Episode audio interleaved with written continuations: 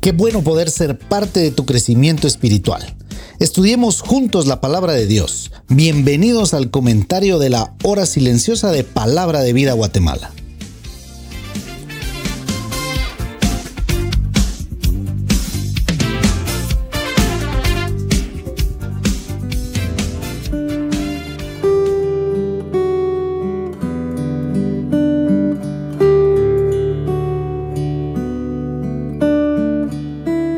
Llegar a la intimidad de tu hogar.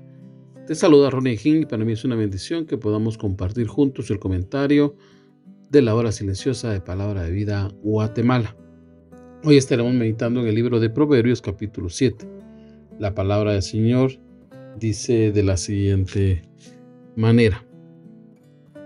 Hijo mío, guarda mis razones y atesora contigo mis mandamientos Guarda mis mandamientos y vivirás, y mi ley como la niña de tus ojos. Lígalos a tus dedos, escríbelos en la tabla de tu corazón.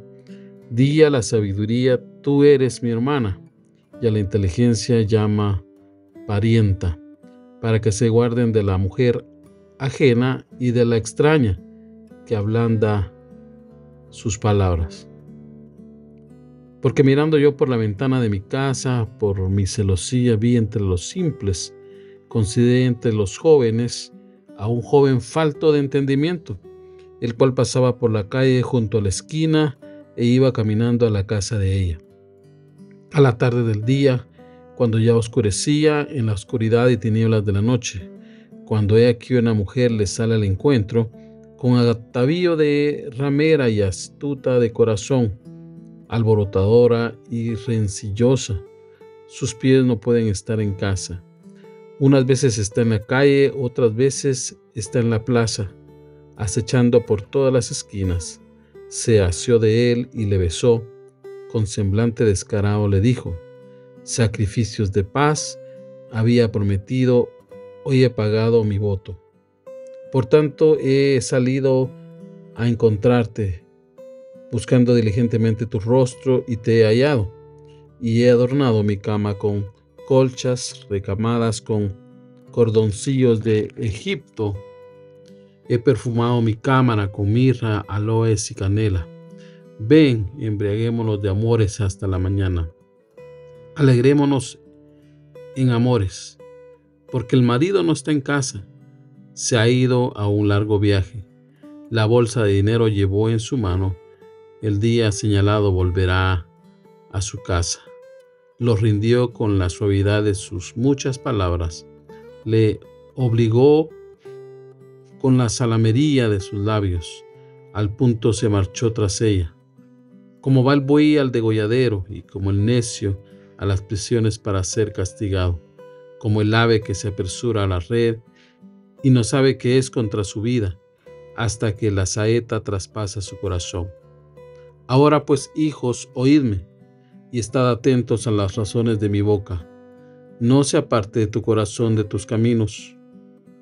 No hierres en sus veredas, porque a muchos ha hecho caer heridos, y aún los más fuertes han sido muertos por ella.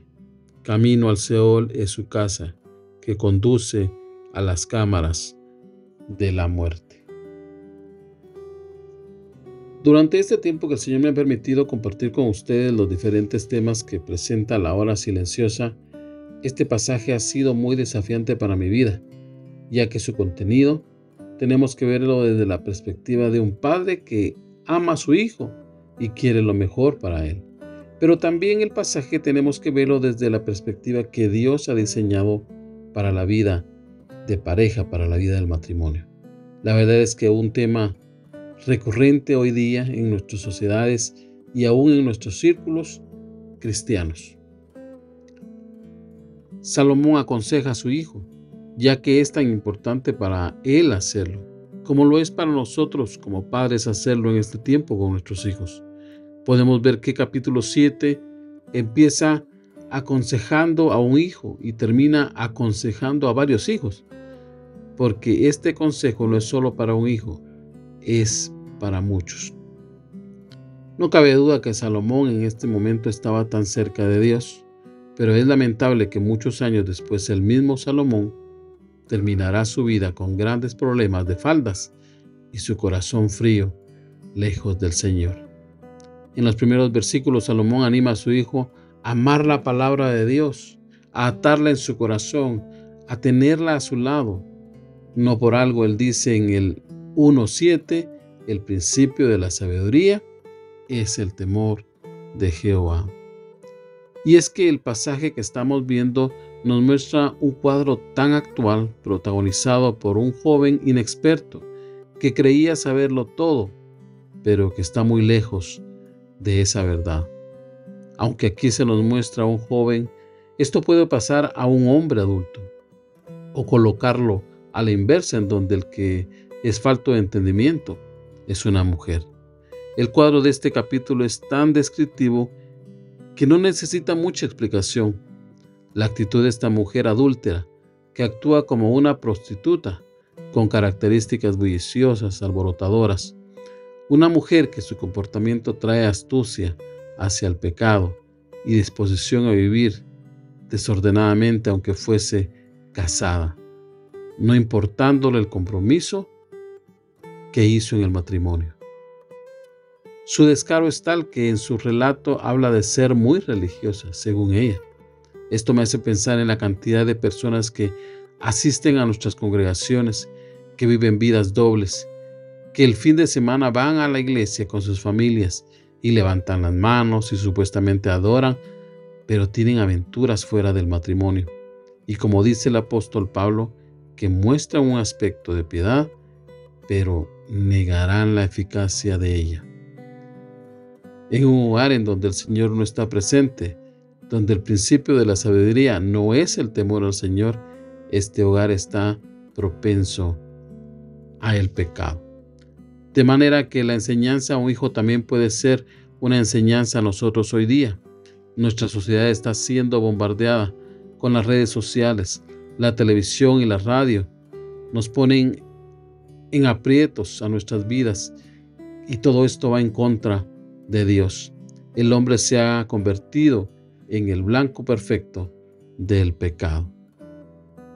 Salomón en su enseñanza dice que aquel chico se marchó tras esta mujer y lo compara como el buey que es llevado al degolladero o como el necio tonto que es llevado a la cárcel para ser castigado o como el ave que se apresura a enredarse en una red y no sabe que el cazador le tomará y será traspasado por una flecha.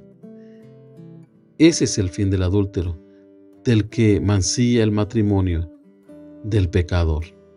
El libro de Romanos dice que la paga del pecado es la muerte. Salomón termina el relato del capítulo 7 y dice como un padre amoroso, como nos lo diría también nuestro buen Dios, escucha mi voz, obedéceme, pon atención a lo que te digo, no te equivoques en tu camino, yo te ofrezco uno mejor. No pienses que le ganarás al pecado, el más fuerte con el pecado ha fracasado. Yo no sé, mi querido escucha, mi querido joven, mi querida señorita, mi querido padre o madre, no sé cómo ha sido tu vida. A lo mejor puedas estar lamentándote porque este pasaje refleja tu vida. Si esto fuera así, recuerda que la palabra de Dios es directa para el creyente y a pesar de lo que somos, el Señor también dice que si confesamos nuestros pecados, Él es fiel y justo para perdonar nuestros pecados y limpiarnos de toda maldad. También dice la Biblia, el que encubre sus pecados no prosperará, mas el que los confiesa y se aparta alcanzará misericordia. Bienaventurado el hombre que siempre teme a Dios. Busca al Señor, Él puede ayudarte. Jesús dice, venid a mí todos los que estáis trabajados y cargados, y yo os haré descansar. Recuerda, humíate pues bajo la poderosa mano de Dios. Echa todo tu afán sobre Él, porque Él tiene cuidado de ti y de mí. Mi deseo es de que vivas una vida consagrada al Señor, con santidad, que puedas ayudar a tus hijos, que puedas ayudar a tu esposa, a tu esposo, que juntos puedan vivir en santidad. Esta es una lucha que vivimos día a día, pero sabes, el Señor está con nosotros y no nos dejará. Te deseo la mejor de las semanas, que Dios te bendiga.